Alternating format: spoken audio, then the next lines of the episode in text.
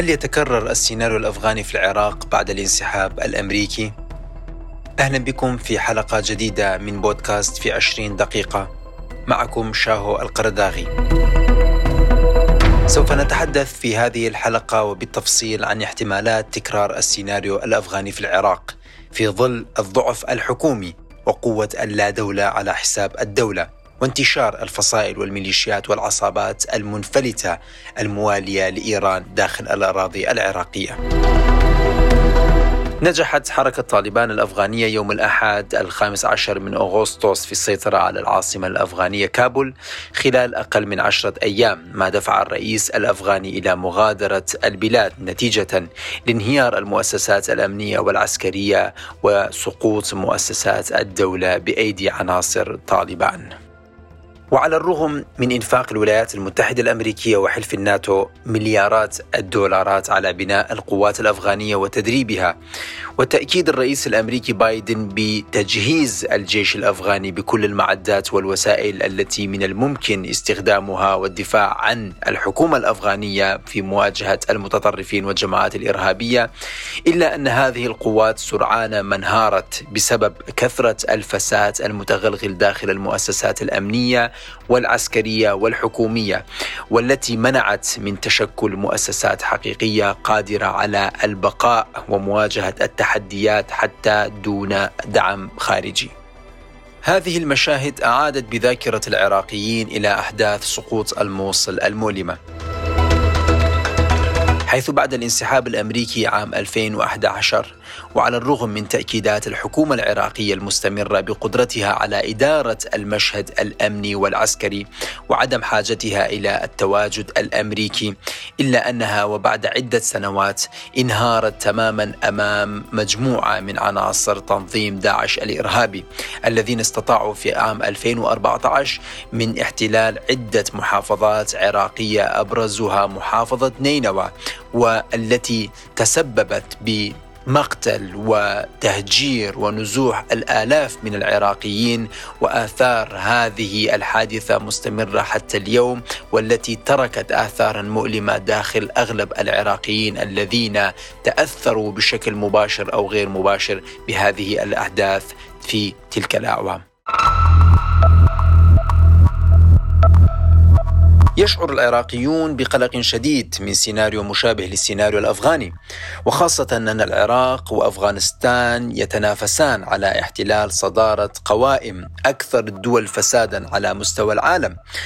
وفي ظل وجود الكثير من العوامل المشتركة بين الدولتين وخاصة الفساد الكبير داخل المؤسسات الأمنية والعسكرية وأيضا غياب القيادات الوطنية قادرة على إدارة المشهد ومواجهة التحديات إضافة إلى تقوية الأحزاب والأطراف المسلحة على حساب إضعاف الدولة. وبعد إعلان الرئيس الأمريكي بايدن عن انتهاء المهمات القتالية للقوات الأمريكية في العراق بحلول نهاية عام 2021 ازدادت مخاوف الكثير من الأطياف العراقية من سيناريو مشابه للسيناريو الأفغاني. حيث أن الكثير من العراقيين يشعرون أن الفصائل الموالية لإيران والميليشيات تستطيع أن تسيطر على الوضع الأمني والاقتصادي والسياسي بالكامل في حال انسحبت القوات الأمريكية من الأراضي العراقية بصورة كاملة وقد يتكرر السيناريو الأفغاني.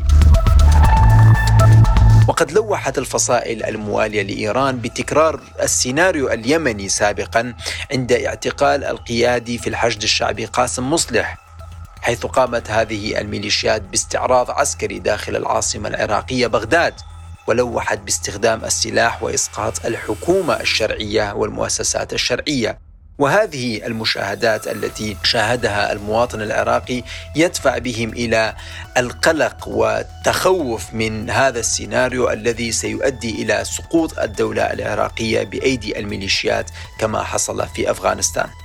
ومن أبرز السياسيين الذين حذروا من تكرار السيناريو الأفغاني داخل العراق السياسي مثال الآلوسي رئيس حزب الأمة العراقي الذي كان من أول السياسيين الذين أطلقوا تحذيرات بتكرار هذا المشهد في حال لم يتم تحجيم سلطة الميليشيات والفصائل المسلحة. وقد قمنا بمناقشة مع السيد مثال الآلوسي وتحدثنا معه عن مخاوفه حيال هذا الأمر وقال لنا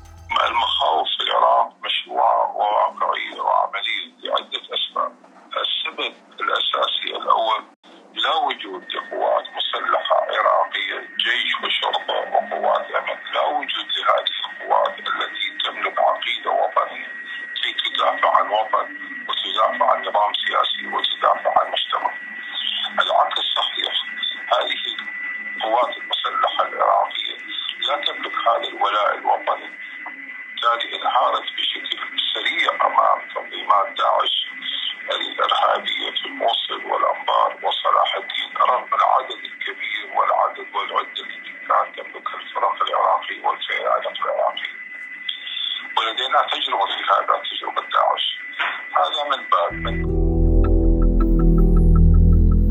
وتطرق السيد مثال الآلوسي في حديثه معنا أيضا عن مخاطر الميليشيات حيث أكد أن القدرات العسكرية للميليشيات تصاعدت وتضاعفت وبالتالي تهدد الدولة بشكل أكبر خلال المرحلة القادمة.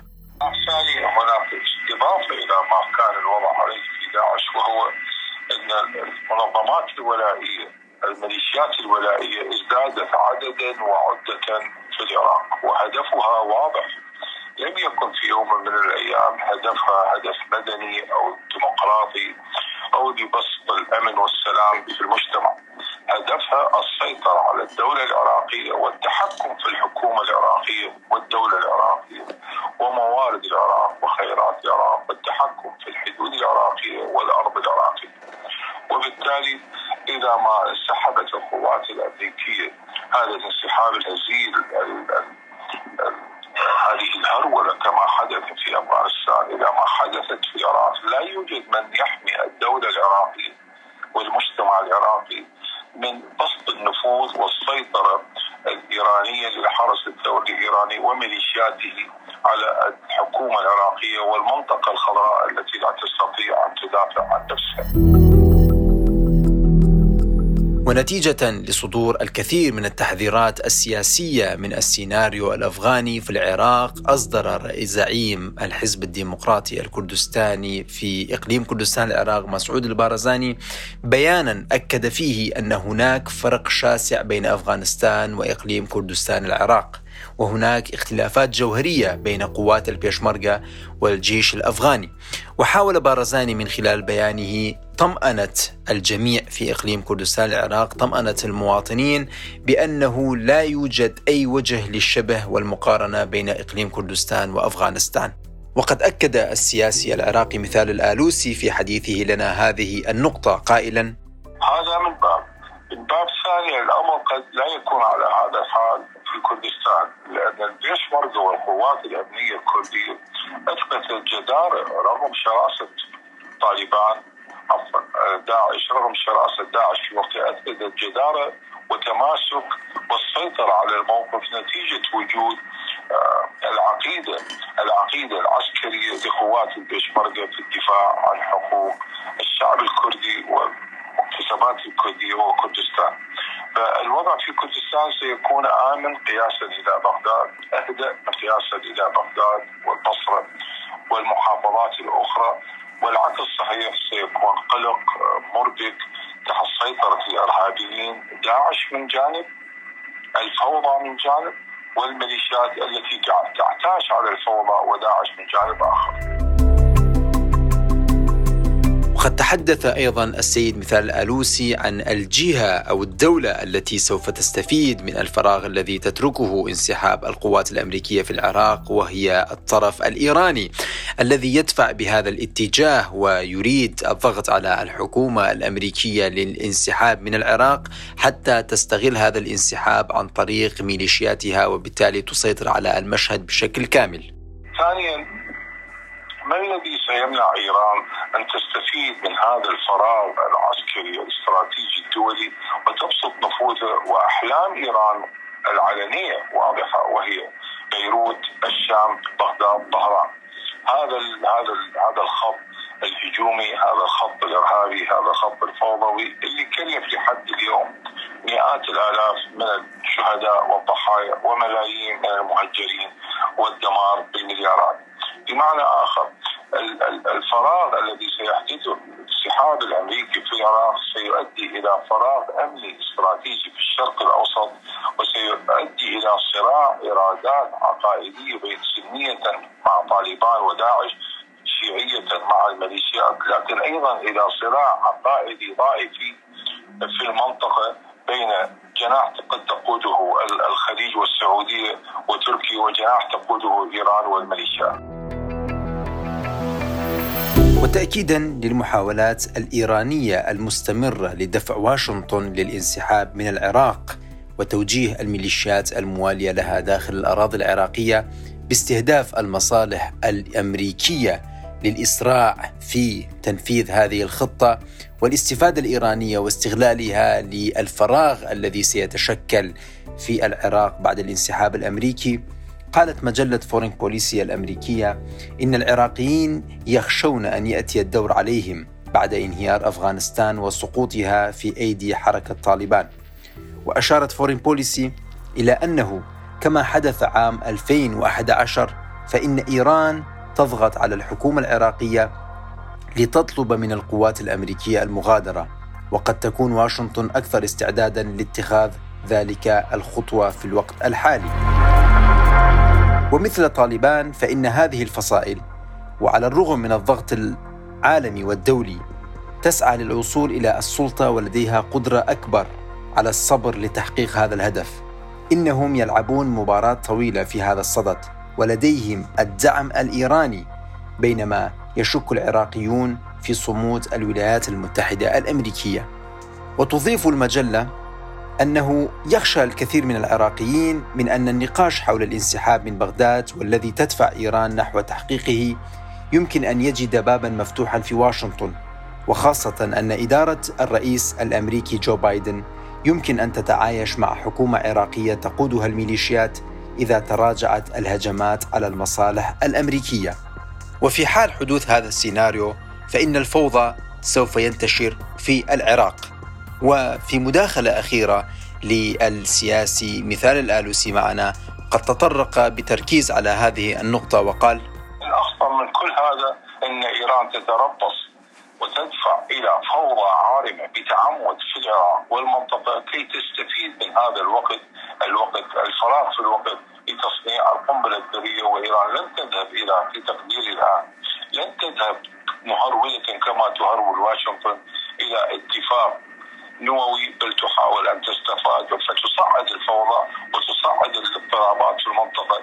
كي تستفاد من أجل تصنيع سلاحها الذري ولا اخجل والعكس صحيح. علي أن احذر كعراقي وكسياسي متابع لهذه الأمور وأقول القنبلة الذرية الإيرانية تعني هولوكوست جديد باتجاه السنة باتجاه الشيعة الرافضين للولاية الفقيه باتجاه مجتمعات الشرق الأوسط وباتجاه الدولة العبرية واليهود. لدينا فوضى ولدينا بحار من الدماء قد تنتشر وتبدأ مع العناد الأمريكي في تسليم العراق لإيران وفي الذهاب إلى اتفاق باي سنة.